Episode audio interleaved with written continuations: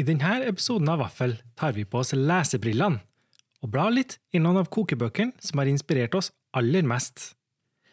Det skal handle om én klassiker og ei relativt ny bok.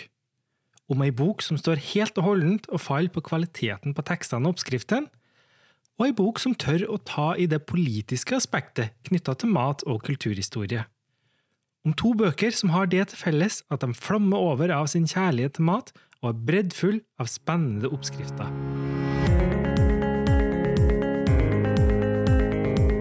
Hei, jeg heter May-Britt, og jeg sitter her på kjøkkenet mitt i Oslo. Og jeg heter Vidar. Jeg sitter på mitt kjøkken i Istanbul. Velkommen til Vaffel, en podkast om mat.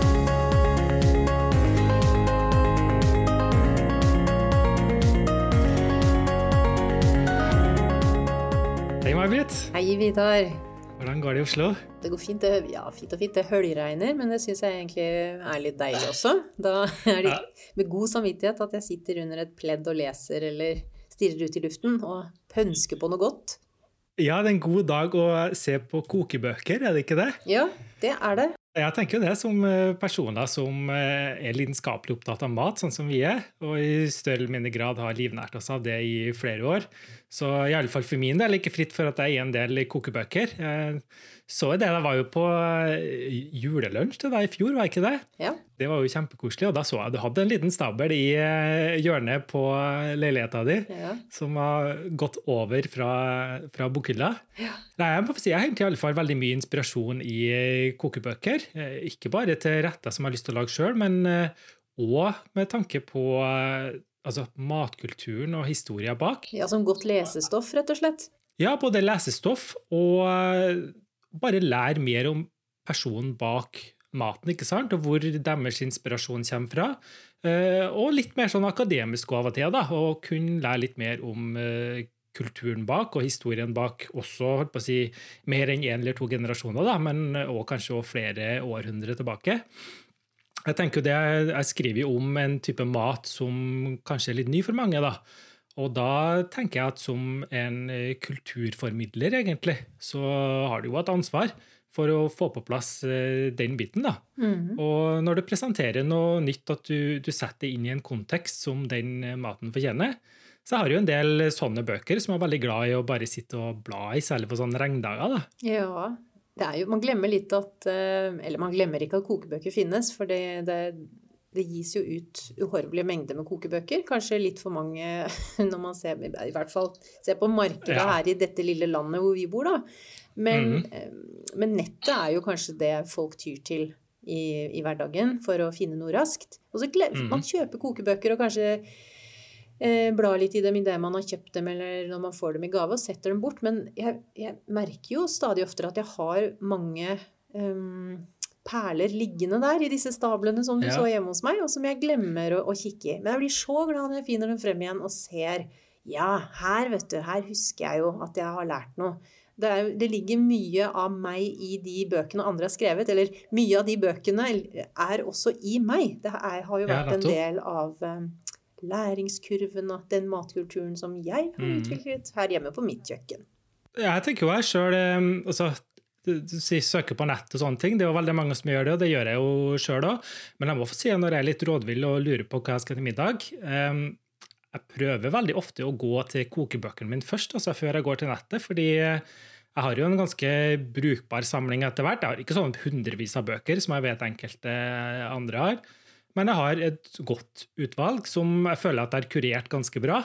Så jeg føler jeg har på en måte mer eh, treffsikkert da, å gå inn i registeret på kokebøkene jeg har. Det er kanskje et godt tips å se helt bakerst. Der er det ofte et veldig godt register. Si at i dag har jeg lyst på noe med aubergine, og da er det mange kokebøker som lister ikke sant, auberginerettene eh, helt bakerst. Og jeg føler at jeg treffer mer interessant når jeg gjør den, hvis jeg bare googler litt sånn vilkårlig. Eh, Google er ikke like flink Google er nok like flink til å hente opp de eh, oppskriftene da, som er skrevet for å bli synlig på Google, heller enn dem som kanskje er gode. Ja. Så, eh, så jeg syns jo kokebøker absolutt har en eh, stor verdi. Mm. Det ligger mye arbeid også bak en kokebok. Det er jo som regel ikke noe hastverksprosjekt når man lager ordentlige kokebøker. Det syns jeg er deilig, at det har vært en redaktør involvert, og at det språklig i beste Mm. fall språklig også kan være både givende og underholdende og alt. At ikke det bare er eh, noe som er rista ut et erme um, Mm. og kasta ut på nettet for å få flest eh, klikk. Eller som du sier, da, at eh, man vet hvordan du bruker algoritmene og kan få det, Ja. få det synliggjort på Google. Hvis du har den Mm. kunnskapen, da. Den har jeg dessverre ikke. Men eh, Nei, men I dag skulle det jo handle om kokebøker. Så det vi tenkte, var jo å, snakke om eh, ei kokebok hver, som kanskje har betydd noe ekstra for oss, eller representerer noe spesielt for oss som vi syns er interessant og, og verdt å formidle videre. ja. Så eh, da er jeg veldig spent på hva slags bok du har valgt deg. Ja, og jeg har gledet meg til dette. Jeg syns ikke det var så vanskelig å velge, selv om jeg har mange bøker og det fins mange gode. Men mm. boka jeg har valgt, den um, ble skrevet Eller den kom ut i 1998. Så den Mhm. er altså 22 år gammel. Og det er intet mindre enn How to Eat The Pleasures and Principles of Good Food. Og dette er da Nigella Lawson sin aller første kokebok. Selvfølgelig. Yes, jeg har eh, paperback-utgaven, og den kjøpte jeg i London i eh, 1999. Um, så jeg, det er vel eh, Jeg tror det er første opplaget av Pocket eh, jeg, har eh, liggende, faktisk. Den er jo på da, Det er jo en tykk bok, 550 sider sånn omtrent. Ja, den er ganske heftig. Jeg har den, jeg må få si jeg var ikke like tidlig ut som deg. Jeg vet ikke hvorfor, faktisk, men eh, eh, For jeg husker jo det er jo et av mine første holdt på å si, eh, matminner sånn sett, da, med tanke på den der matformidlinga, er jo å se på det TV-programmet hennes. Ja. Jeg har nok også oppdaget uh, Nigella gjennom uh, Nigella Bites. Det var jo hennes første serie.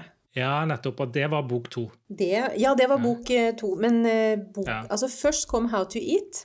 Mm. Og så kom eh, serien, Nigella Bites. Ja, og da fikk selvfølgelig How to Eat et oppsving etter at den serien kom. Men det som Ja, er nettopp, interessant med How to Eat, det er jo at det finnes ikke ett bilde av mat i den boka. Eh, kanskje av en kål eller av et kokt egg. Eh, det eneste som finnes av bildemateriale, er kapitteldelerne. Der er det Mhm. noen helt minimalistiske og litt sånn grafiske foto. En Mhm. halvt åpnet ansjosboks med en sånn sennepsgul og turkis farge i bakgrunnen. Eh, noen, noen svært ydmyke, nesten stusslige eh, rosenkål som ligger på en rød flate med en blå vegg bak. Altså det er Det handler ikke om eh, matporno via bilder. Det er helt motsatt av det vi tenker på kokebøker i dag, egentlig. ikke sant? Det... helt motsatt. Men den har jo solgt i millioner, ikke sant? Um, som jo selvfølgelig skyldes at Nigella Lawson er utdannet i språk fra Oxford. Kommer fra en ganske OK eh, familie i London med den statusen. Faren hennes var finansminister under Thatcher, var han ikke det? Jo, stemmer det, ja. Så hun har nok hatt eh, gode forbindelser for å komme seg opp og frem, men eh, det er ikke nok med bare gode forbindelser. Du må gjøre jobben sjøl òg. Det, si, det har Nigella til de grader eh, gjort, både når det gjelder det språkmessige og måten å presentere ting på. da. Det er jo det som virkelig har fenga meg med Nigella helt fra starten av. Mm. Det er jo måten å skrive på. Altså, det er noe så sjelden som kokebøker, selv det som kom etter den her òg, som er mer fokusert på bilder, kortere tekster og mer rett på oppskriften, så er det likevel sånn at du kan sette deg ned og bare lese Ja. i boka. ja. Og det er ikke sånn at hun trenger å snakke om så det går ikke inn i sånn dype temaer, eller sånne ting, men hun har en måte med ordene og måten de ruller på, som bare gir deg glede bare av å lese det. Ja, hun var jo litteraturanmelder og i The Sunday Times og restaurantanmelder i tolv år. Og så ble hun da spaltist i New York Times. Og, og så kom da How to Eat etter hvert. Men det, jeg tror også det som har fanget så veldig eh, um, Eller som har vunnet folk da med How to Eat, det er jo at hun, hun er en av de første på en god del år som inntar den derre hobbykokk, hjemmekokk-posisjonen. At hun mm. setter et skarpt skille mellom restaurantmat og den maten man lager hjemme. Mhm. Så prinsippet for boka og tittelen, altså hvorfor heter den 'How to eat' og ikke how to, uh, 'How to cook', det er fordi at hun sier at du kan elske å spise god mat uten å kunne lage god mat, men mm. du kan antageligvis ikke lage god mat hvis du ikke elsker å spise god mat. Jeg syns det er en Mhm. fantastisk innfallsvinkel. Ja, det har jeg hørt flere ganger, at hun er veldig obs på der med å understreke at hun ikke er sjef. Ja. For på engelsk har de jo et godt skille på det der mellom profesjonell kokk, altså Mm. utdanna kokk, og ikke-utdanna. da. Ja, det er jo det hun da blir er. cook. Ja, og hun, er liksom en, hun blir da en pioner for det som kan kalles hjemmekokkene. At det at man kan Mhm. verdsette hjemmekjøkkenet som godt nok. Og hun kommer jo sammen med noen bølge og oppgangen for alle disse kokkeprogrammene. Og veldig mange britiske store sjefer de får egne kokkeprogrammer. Det kommer kokkekonkurranser, Masterchef, ikke sant. Og Jamie Oliver kom omtrent samtidig, gjorde han ikke Ja. det? Altså Første Mhm. serien hans. ja, Det var vel BBC og Channel 4 som konkurrerte, tror jeg. Ja. Så det, jeg husker jeg bodde i Belfast. eh, Jeg bodde, bodde i Belfast fra 94 og til 99, og jeg brukte jo store deler av kveldene til å sitte og se på alle disse matlagingsprogrammene. Men mye av det var jo profesjonelle kokker, ikke sant? Og så, og så kom det en sånn ny snobbethet. Folk begynte å få sansen for, eh, for restaurantmat. Det kom flere og flere gode restauranter. Um, og så glemte man kanskje litt det der at den maten du lager hjemme, skal du jo ikke servere for betalende gjester. Det er jo mat du skal Mhm. kose deg med. Og så er det litt på det at mat trenger liksom ikke å være rar eller sånn påtvunget original for å begeistre. Det kan være mm. enkelt, men det må være godt. Så man Mhm. får jo veldig selvtillit eh, hvis man er eh, ny på kjøkkenet, av å lese hennes tekster. Også fordi hun er så eh, Hun er muntlig, men litterær. Det er en ganske imponerende eh, skill, eller hva man skal si. Mhm. Men boka er liksom laget da ut ifra sånn helt ren, skjær kjærlighet til det å spise god mat. Og da må man jo ofte etter hvert lære seg å lage god mat. Hvis man vil spise god mat. Ja. Og så er den utrolig raus i det at den eh, peker på hvilke inspirasjonskilder hun har hatt. For hun har jo lest Mm. utallige kokebøker og har masse eh, bekjente og mm, eh, idoler innenfor eh, matskriblerier. Og at hun aldri mm. legger skjul på hvor hun selv henter inspirasjon. Det har jeg veldig sansen for. Absolutt. og Det er en stor styrke, syns jeg, som eh, enhver eh, matskribent egentlig bør ta til seg. fordi det, det er så fint å kunne løfte opp andre. og det er jo en ærlig sak. Vi, ingen av oss kommer jo på det vi driver med på egen hånd. Vi har alle henta vår inspirasjon fra forskjellige plasser, enten vi vet eller ikke. ikke sant? Mm. Så til og med det der vi bare ser inn i kjøleskapet og lurer på hva skal vi gjøre med det som er igjen, og så finner du på noe av det, det, det kommer ikke ut av intet, det du kreerer der heller. Her er det mange som har løfta lasset før deg. Ja, det er så sant. Og så har hun eh, bakerst i boka så er det en lang liste, en bibliografi, hvor du kan se hvilke kokebøker hun eh, har eh, Mhm. referert til tidligere. Så det den kan også da inspirere deg videre til å finne dine favoritter. Så er den jo delt opp da i flere kapittel. Hun begynner med basics, og så er det det om å lage mat i forveien av et kapittel. Eh, Hun har et kapittel som heter One and Two, altså hvordan lage mat for bare én eller to, hvor hun rett og slett starter med å, å snakke om onani og masturbering. hvor hun helt sånn eh, frivolig bare snakker om eh, hvor viktig det er å ta vare på seg selv. Ja. på alle måter. og så er hun også dønn ærlig på ting hun ikke kan. Jeg må lese dette. Jeg må lese et lite eh, avsnitt på engelsk hvor hun snakker om gravy, altså brun saus. Jeg elsker Mhm. brun saus. Um, og hun skriver, altså hun liker selvfølgelig brun saus, eller gravy, så skriver hun Now for the gravy. I'm not one of life's gravy makers. I make disgusting coffee too. Obviously, brown liquids are not my thing. Er ikke det gøy? ja, ja. Men, sånn har hun fortsatt òg. Altså, eh, jeg husker jeg så siste serien hennes. Når var den kommet? da? Et par år siden? Mm. Da var jo det, jeg tror jeg nevnte i en tidligere episode da var jo den første retten hun laga, var jo tyrkiske egg. De posjerte eggene i yoghurtsaus. Ja. Og da begynte hun med å fortelle at eh, hun i alle år hadde ønska å gjøre noe med posjerte egg, men hun aldri greid å få det til, eller aldri turt å gå over den eh, baugen da, og lære seg å lage posjerte egg. Men hun hadde jo endelig fått det til, så nå eh, skulle hun vise hvordan hun hadde laga det. da. Ja. Så da var hun ærlig på det, altså 20 år etter hun hadde gitt ut det der gigantverket av eh, How to Eat, og fremdeles har jeg fremdeles ikke lært meg å posjere egg. Nei. Men det er jo helt sånn det er for oss alle. Ja, det er jo ikke det. det? da? Altså, det, er Ja. det er jo en, matverden er jo enorm, og særlig det øyeblikket du begynner å åpne deg. Det var jo kanskje Nigella og en av de tidlige ute med, da, å åpne deg til resten av verden. Mhm. Jeg bladde litt gjennom den nå. Jeg ser hun har f.eks. oppskrift på tabole og Ja, sånne ting inni der. Og det på 1998, selv i England, var det ganske frempå, altså. Ja. For, eh, for en som er av hvit eh, bakgrunn, overklassebakgrunn, som du sier, og skriver for et primært hvitt publikum, så, så må jeg få si det var veldig frempå for sin tid. Ja, og der har hun jo hatt et fortrinn selvfølgelig med at hun har vært ressurssterk, da, både via, altså i den familien hun er født inn i, og at hun var gift, har vært gift med menn Mm. som også hadde ressurser, og hun har jo reist mye ikke sant, og kunnet spise på all verdens restauranter i virke som Mm. restaurantanmelder. Så hun er jo Absolutt. vanvittig kunnskapsrik. Men når det kommer til å lage mat hjemme, så er hun bare helt nedpå med begge føttene i sokkelesten og sier Mm. 'Jeg er ikke restaurantkokk', og det trenger ikke dere heller å være. Tro meg. Så Det er så utrolig forsonende, og man, man føler virkelig på det. Jeg gjør det selv. Selv som matblogger og kokebokforfatter, og ikke minst som dommer i Masterchef. At jeg fikk den jobben og skulle stå sammen med Lise Finkenhagen og Jonathan Romano, som begge er kokker, meritterte kokker, så kjente jeg på det at åh, jeg er ikke kokk. Hvordan, hvordan skal jeg noensinne kunne få eh, kred eller autoritet i denne rollen? Men så da tenkte jeg litt på Nigella. Da tenkte jeg sånn, jo, men vet du hva? Du, du kan jo Du har jo spist på utallige restauranter. Du kan jo lage mat hjemme. Du kan det med smak. Du kan jo spise. Ja. Selv om jeg ikke kan ehm, Jeg kan ikke drive restaurant eller eh, servere 400 gjester. Det kan jeg ikke. og det er jo utallige ting jeg ikke kan. Altså teknikk og, og kunnskap som jeg ikke har. Men jeg har med årene blitt såpass selvsikker at jeg kan si når jeg ikke kan noe Vet du hva, det, det vet jeg ikke hva er. Hva er det for noe? Uten at jeg skal føle meg som en idiot, men at man er ydmyk, og at man aldri er utlært.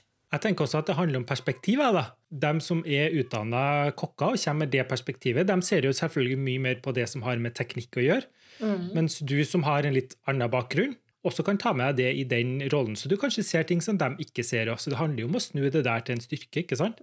Og det er jeg helt sikker på at du har fått til. Ja da. Og det med å formidle. Når jeg er utdannet litteraturviter, så er jeg ikke så langt fra hun herre dronninga. Men eh, ganske langt likevel, vil jeg påstå. Jeg tør ikke engang å sammenligne meg. Men det er jo noe med det å ha et språk eh, til å formidle det du kan og vet om mat. Selv om det er på et eh, hobbykokknivå, da. Og så gjør det tilnærmelig tenker jeg er viktig. Det er én ting som jeg må få si jeg sjøl har blitt eh, inspirert av Nigella i måten jeg skriver ting på. Hun er veldig nedpå med det der om å si at eh, ja, ja, det er sånn jeg gjør det, ikke sant? Men eh, liker du ikke Jeg jeg leste den oppskrifta på Atabola akkurat nå, og der er det sånn Ja, jeg liker den med mest med masse urter, men er du mm, Syns du det blir for mye, så må du selvfølgelig bare ha i mer bulgur og gjøre den til mer enn kornsak. Jeg liker ikke å ha agurk, selv om mange har det oppi, fordi neste dag så syns jeg den kan bli litt soggy, og jeg liker å ha rester av det. Men eh, hvis det ikke er noe problem for deg, så må du bare ha i agurk. ikke sant? Og det er en veldig sånn avslappa tilnærming, og den eh, har jeg må få si, prøvd å ta med meg i måten jeg skriver på, da, ikke sant? for å gjøre det tilnærmelig. For eh, som jeg pleier å si, jeg òg, at eh, selv om det ikke blir nøyaktig som min ditt italienske bestemor eller din eh, tyrkiske mormor, så det kan jo bli veldig godt likevel. Ja, Men det sier hun jo. Hun sier det eksplisitt i forordet. Så sier hun Mm. at jeg vil gjøre det klinkende klart her og nå at du må utvikle din egen individuelle sansformat og tilnærming til mat, og ikke bare eh, hvile deg på en gigantisk samling med oppskrifter. Så det er kult. Hun er ingen oppskriftsmaskin. Veldig mange av de oppskriftene og tingene hun legger ut på Instagram i våre dager, det er jo faktisk eh, titt ofte oppskrifter som er fra denne boka, som er da 22 Ja. år gammel. Så hun er jo ikke Mm. opptatt av å spy ut oppskrifter bare for å, oppskriftenes skyld. Hun uh, har sine, og så har hun gjort dem til klassikere.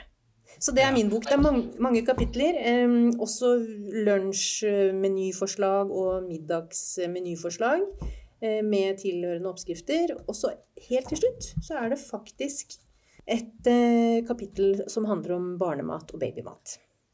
Ja. Jeg husker jeg så, jeg mener det var en boka her hun snakka om, eh, i et intervju med Nigella en gang, om at eh, da hun skulle gi ut denne boka, så følte jeg at det var på en måte, ja, nå skulle hun gi ut bok, da måtte hun på en måte dra frem alt det beste hun kunne. Så hun laga rett og slett en sånn best of av all maten hun har spist og lagd hele livet. Ja. Så det gjenspeiler seg nok i innholdet. Har du en favorittrett? I fra, fra boka? Ja, jeg har, eh, jeg har to. Og det er altså, Eller det er ikke en favorittrett, men det er ting jeg har eh, fra boka har brukt mye. Og det ene er eh, hennes crumble, altså smuldrepai. Det høres jo ikke ut som man egentlig trenger Ja, ja, ja. oppskrift på det. Det gjør jeg ikke heller lenger. Og eh, sjokoladefondant. Eller sånn molten chocolate eh, cake. De to. Rett og slett. Jeg kan ikke komme på noe flere. Kanskje hennes helstekte kylling. Ja, Nigella er sikkersikt når det kommer til akkurat de to tingene. Det er det jeg forbinder mest med òg. Det er dessert eller søtsaker og eh, kyllingbaserte ting. Da, da er det viktig å slå opp i Nigella sine bøker når jeg ser i kokebokhylla. Hun har jo de legendariske frityrstekte Bounty Bars. Jeg vet ikke om du husker dem fra en av de seriene.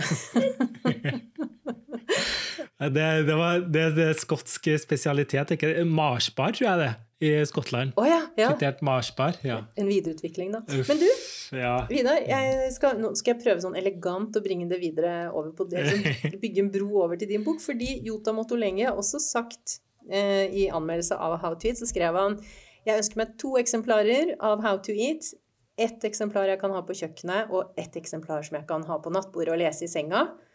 Ja. Og med Jota, Jota Motolenge så beveger vi, litt, eh, beveger vi oss over på den boka du har valgt. ja, det er en bok som faktisk Jota Mottelengi sjøl ikke har skrevet. mm. Eh, men han har skrevet forordet. Det er en ganske ny bok som kom ut eh, bare for noen måneder siden. Så hun har ikke hatt tida på en måte å bli en klassiker for meg, sånn sett, og at jeg har fått et sånt forhold til det. Men den, eh, eh, jeg syns det er en litt sånn annerledes bok, der de har turt å gjøre ting på en litt annen måte enn kanskje det de store kommersielle forventningene ofte stiller krav om. Og boka er jo da egentlig en oppfølger til en bok som kom ut for nesten ti år, som heter For Jerusalem. Yep. Som da Yota Motelengi og Sami Tamimi, som er de to eh, mennene som sammen starta den Ottolengi-kjeden i London eh, for eh, 20 år siden. Tamimi har jo vært måte, den mindre kjente av de to. De har Ja. faktisk en interessant sånn partnerskap, fordi eh, Yota Motelengi er jo fra Israel, fra, eh, altså jøde fra Jerusalem. Sami Tamimi er også fra Jerusalem, men er palestiner, så han er araber fra den palestinske sida av Ja. Jerusalem. Og så treftes de som eh, kokkelærlinger, tror jeg, i London. Og ble kjent og på en måte utvikla sitt uttrykk derfra. da. Og så er det Otto Lenge som har blitt på en måte storkjendisen, fordi han har festa navnet sitt på kjeden. Altså, Han er blitt Otto George Michael. Ja, ikke ja. Og så eh, Tamimi har andre som jeg ikke engang husker navnet på. ikke sant? For meg.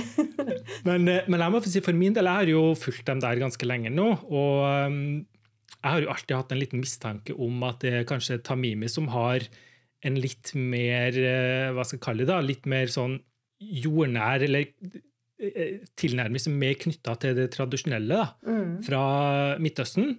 Og så er Otto Lenge litt mer han som eksperimenterer enda mer og begynner å dra inn innflytelse fra Sør-Asia og fra Mexico og, Ja. og litt forskjellige sånne ting. Ja, for han har jo vært en trendsetter.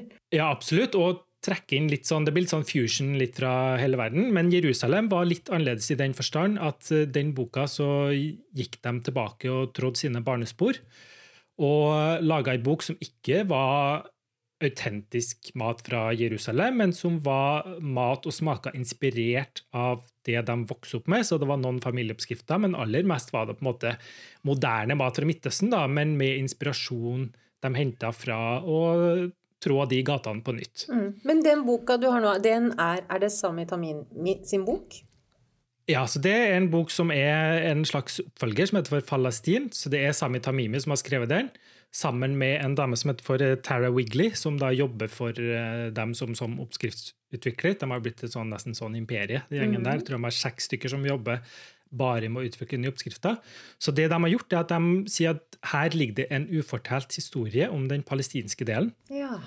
Og vi har lyst til å utforske den videre, så da har de dratt på reise til Palestina i flere omganger.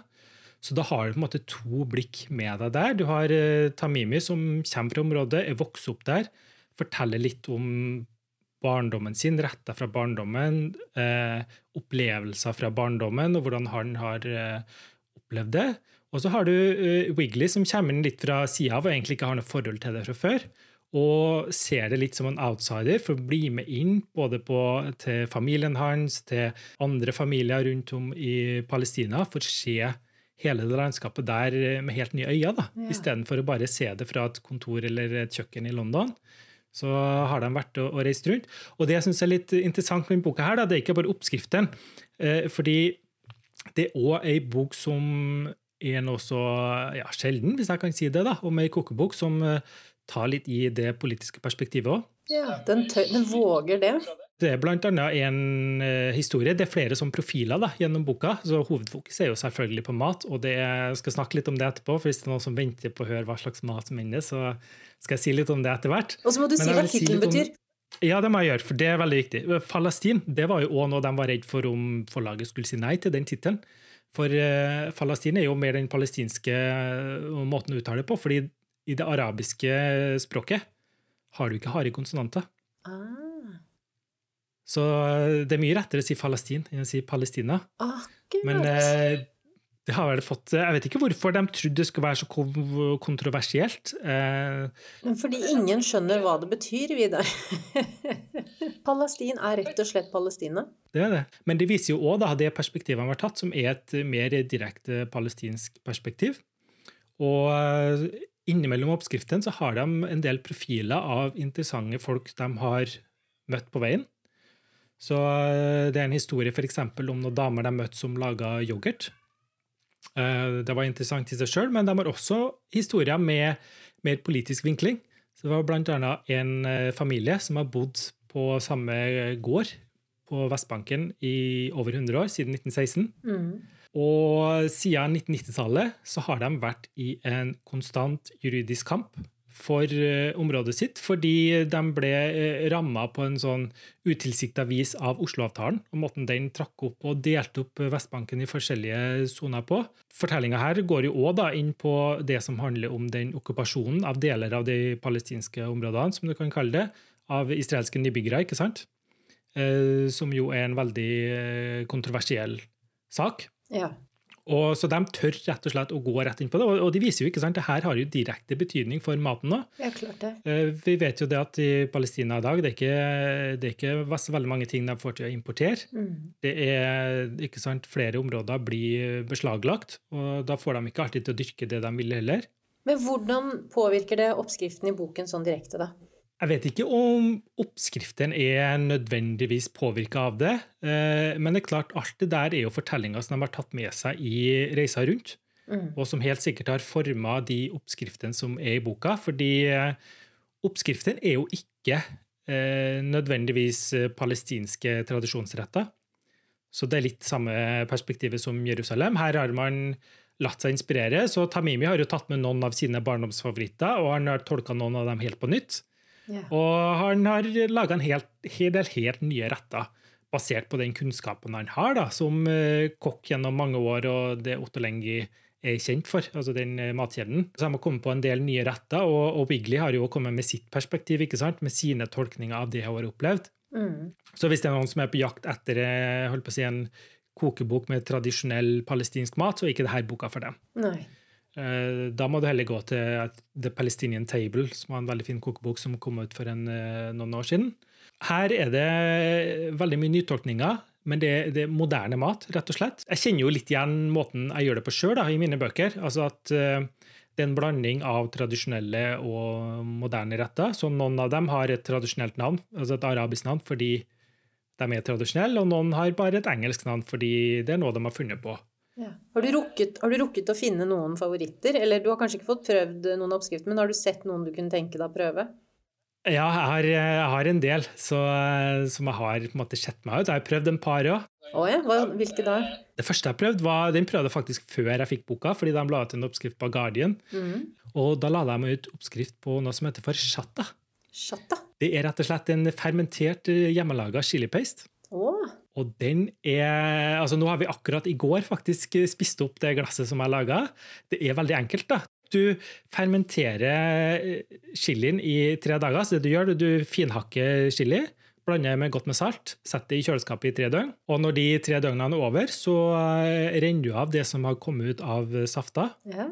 Blander det med litt eddik, Mhm. sitronsaft og olivenolje. Mhm. Kjører det med stavmikser og topper med olivenolje. Å, det hørtes veldig godt ut. Og hva gjør det med smaken? Hvordan kan, kan, klarer du å beskrive den smaken du får?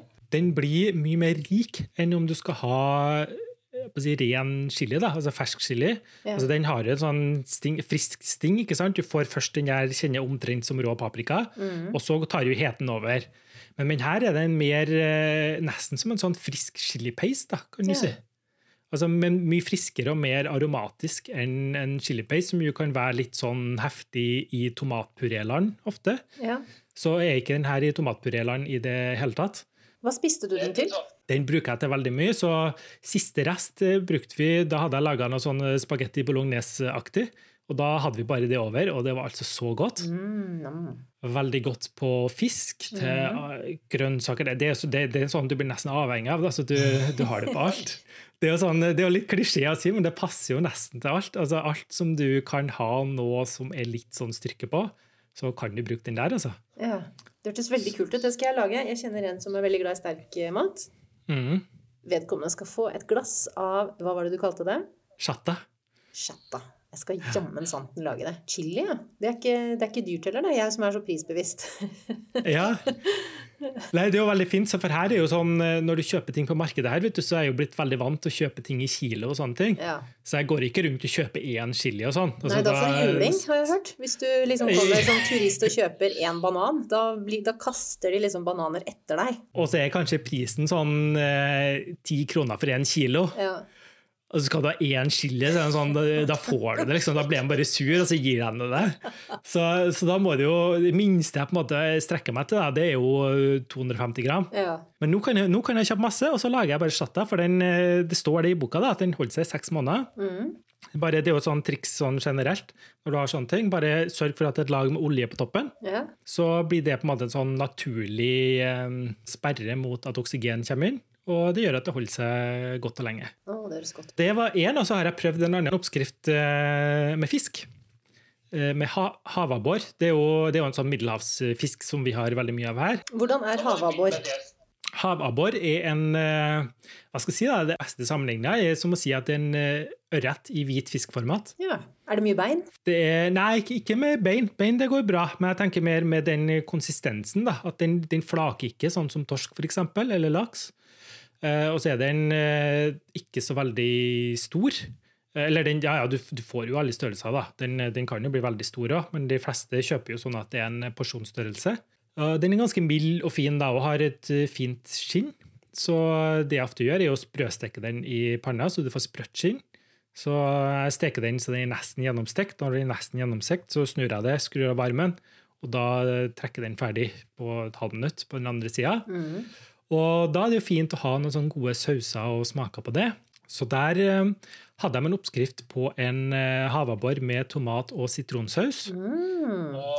Det de gjør, da, det er to ting som er litt spesielt der, mot det jeg holdt på å si jeg kunne ha kommet på sjøl. Det ene er den krydderblandinga. Så de har ei krydderblanding som er for fisk, som da er palestinsk. Og den er laga av kardemomme, spisskummen, gurkemeie og paprikapulver. Ah. Og litt sånn eh, nesten litt søt med den kardemommen, da. Eller varme krydder.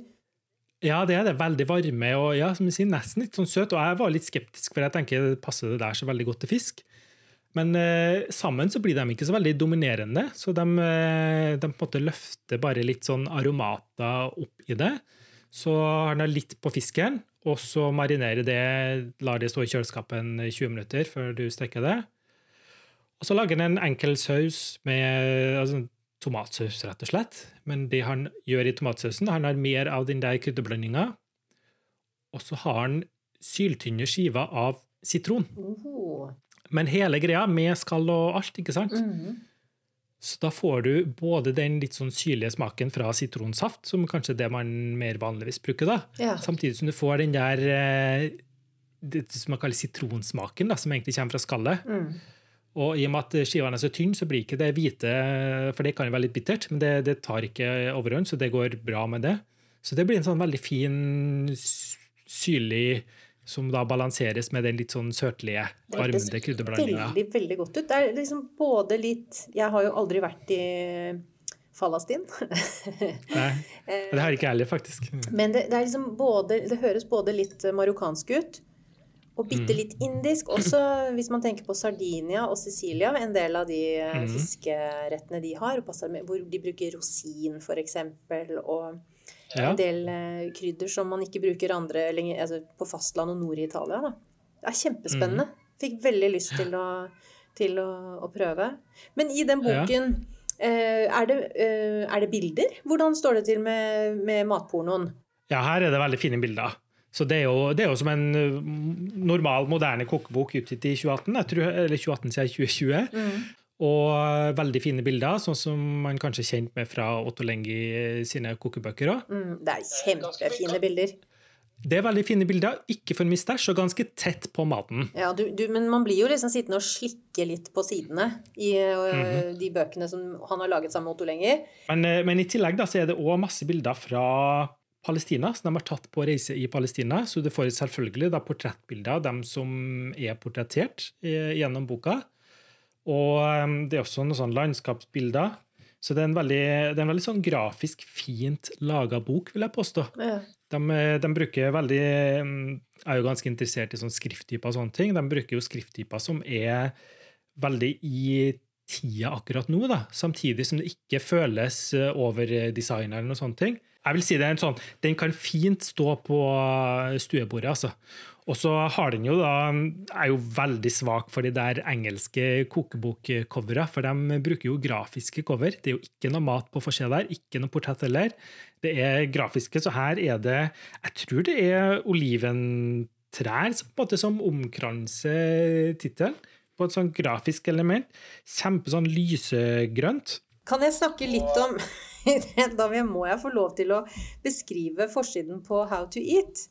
Ja. Der er det et foto. Eh, navnet hennes, selvfølgelig, Nigella Lawson med stor font. Og så er det bilde av en eh, hel Savoy-kål. Og så er det bilde av et eh, kokt egg i et eggeglass, og eh, av et rivjern. Og av eh, fire blå, sikkert billige Ikea-plastkrus i stabel. Og de står da på rekke og rad foran en hvit vegg. Mm. Det er det som er der. Jeg syns det er helt fantastisk. Ja, det er helt Jeg elsker sånn eh, litt sånn annerledes eh, grafiske cover. Altså, når du er i kokebokhyllene, så vet du jo at det er mat. Så uh, ja, kanskje vi skal si en liten melding til norske forlag om å være litt mer eksperimentell på den fronten. Men jeg, jeg så en rett i den boka her som jeg tenkte på deg, faktisk. En Åh? litt sånn mer eh, moderne rett. Ja.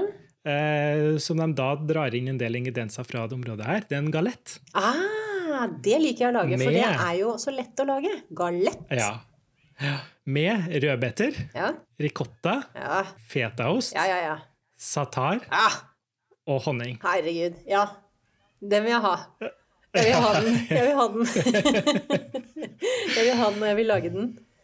Ja, den er veldig god. Den skal jeg prøve også når, når rødbeteren blir i sesong igjen her. Også, også for den som er glad i hummus og den type ting, da, så er det også litt interessant her. Han har tatt med flere retter i samme landskap. For her, eh, det gjelder jo ikke bare Palestina, men også resten av Midtøsten. så er ikke bare i hummus at du har kikkerter og tahini. De har noe som heter for fattet, som Ja, hva er det for noe? er, det er rista pitabrød, som da topper med diverse variasjoner av eh, kikkerter, tahini, yoghurt. Og så kan du ha masse stæsj oppå da, granateple, urter Som en sandwich, liksom? Eller sånn Nei, Nei? nei, det er mer som en sånn uh, nachos, tenker jeg på det. Ja, ja, ja. Ja, sånn, Mm. ja. Ja, Loaded nachos, liksom. Ja, ja, ikke sant? Og så har du også noe som heter for mosabaha, som er rett og slett en sånn uknust hummus. Altså at det er hele kikkerter Hva, hva med kalte tahinisaus. du det? Det må du si. Uknurt? Uknust, ja. Er det trøndersk? Ja, det var, det var sånn nyord. Det, det blir årets nyord 2020. Altså en som ikke er most, eller ikke er helt sånn finmost? Ja, nettopp. Så, så nei, ikke finmost i det hele tatt. Så det er rett og slett uh, kikkerter med tahinisaus, på en måte. Uknurt. Så det er flere Ja, ikke sant. så, men ellers er det en tradisjonelt oppbygd kokebok. Småretter, hovedretter, mye vegetar, kjøtt, fisk, uh, desserter. Ja. Masse spennende å ta seg til. Så, um, så jeg gleder meg til å utforske den videre. Og kan også anbefale den videre til folk som er interessert i historiene bak. ja, fordi jeg tenker jo De sier jo at mat De, vi som matformidlere vet jo også at mat, eh, mat er mer enn vomfyll. Mat er kultur, men du, hvor mye du kan lære om et annet lands historie, og også politikk. Mhm. eh, gjennom matlagningen. Jeg syns det høres ut som Absolutt. eh, Jeg skjønner jo Jeg skjønner jo at det kanskje er en bok som vil være vanskelig å svelge for enkelte. Eh, som politisk, tror du det? Den, eh, den kan nok eh, anses som kontroversiell blant en del. Mm. Og, men jeg må få si det at uh, uavhengig av om man er interessert i den politiske delen eller ikke, så er det utrolig mange fristende oppskrifter i boka. Mm. Det, det er flere grunner til å like den boka der. Ja, jeg spiser fremdeles amerikansk mat òg, selv om jeg syns Trump er en kronidiot. Ikke Men at det politiske systemet i Amerika råtner på rot, så har jeg fremdeles Du legger ikke bort burgeren for dem. Nei. Eller mac and cheese. Det var kjempe, kjempespennende. Jeg har veldig Falastin, Palestina. som da er det um, palestinske navnet for Palestina. Men May-Britt, nå begynner det å bli eh, ferietid snart, er ikke det? Jeg har fått meldinger fra folk hjemme som begynner å komme seg på hytta og alt Ja. mulig. Har du, eh, har du lagt noen planer? Ja, jeg skal også på hytter. Det er jo det vi driver med denne sommeren 2020. Vi er på hytter. Ja. Eh, Så jeg skal på to hytteturer. Og mm, den ene hytteturen, da skal vi feire 4. juli litt på etterskudd. Det er en venninne som er halvt amerikansk, og hun er Mhm. veldig flink til å lage mat. Og hun har en sønn som er en kløpper på å bake kaker. Så det blir en overdådig amerikansk eh, 4. juli-feiring på Hvasser. I slutten av Ja. Det gleder jeg meg til. Og du skal også ha en liten eh, velfortjent ferie, kanskje?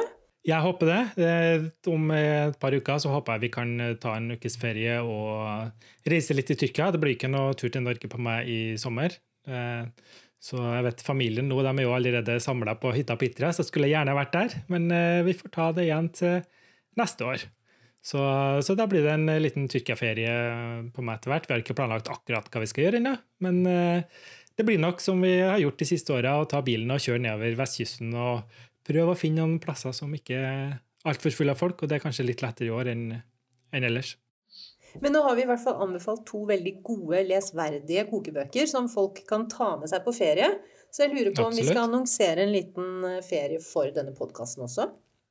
Ja, vi må, vi må få lov til å ta en liten ferie, vi òg, tenker jeg. Vi har jo gått gjennom ti episoder nå. Jeg syns det har vært eh, veldig morsomt. Kjempegøy. Og det har vært veldig morsomt å høre fra folk som har hørt på. Vi får jo alltid meldinger etter hver episode om at folk har hørt på oss mens de har klippa plen eller gått tur, eller de har blitt inspirert til å lage noe nytt eller lært noe nytt. Og det er jo veldig morsomt. Så det, det, da tenker jeg det er kanskje lurt for oss å lade batteriene litt og komme tilbake med en ny runde igjen til høsten. Ja, vi gjør det. Vi lader batteriene, sånn at vi har noe nytt og spennende og gøy og inspirerende å komme med til alle mm. dere som hører på oss. Det er- vi setter veldig stor pris på at dere er med.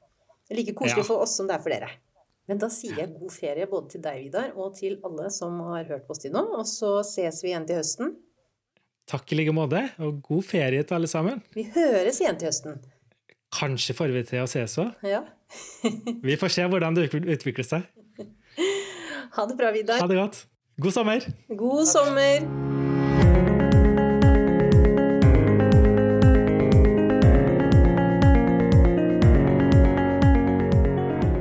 For at du lytta til denne episoden av Vaffel. Som vanlig finner du mer om dagens tema på bloggene våre, Spiselandslaget og et kjøkken i Istanbul. Der kommer vi med nye blogginnlegg om nettopp de her to bøkene i løpet av søndagen. Dette var altså siste episode i første sesong av Vaffel.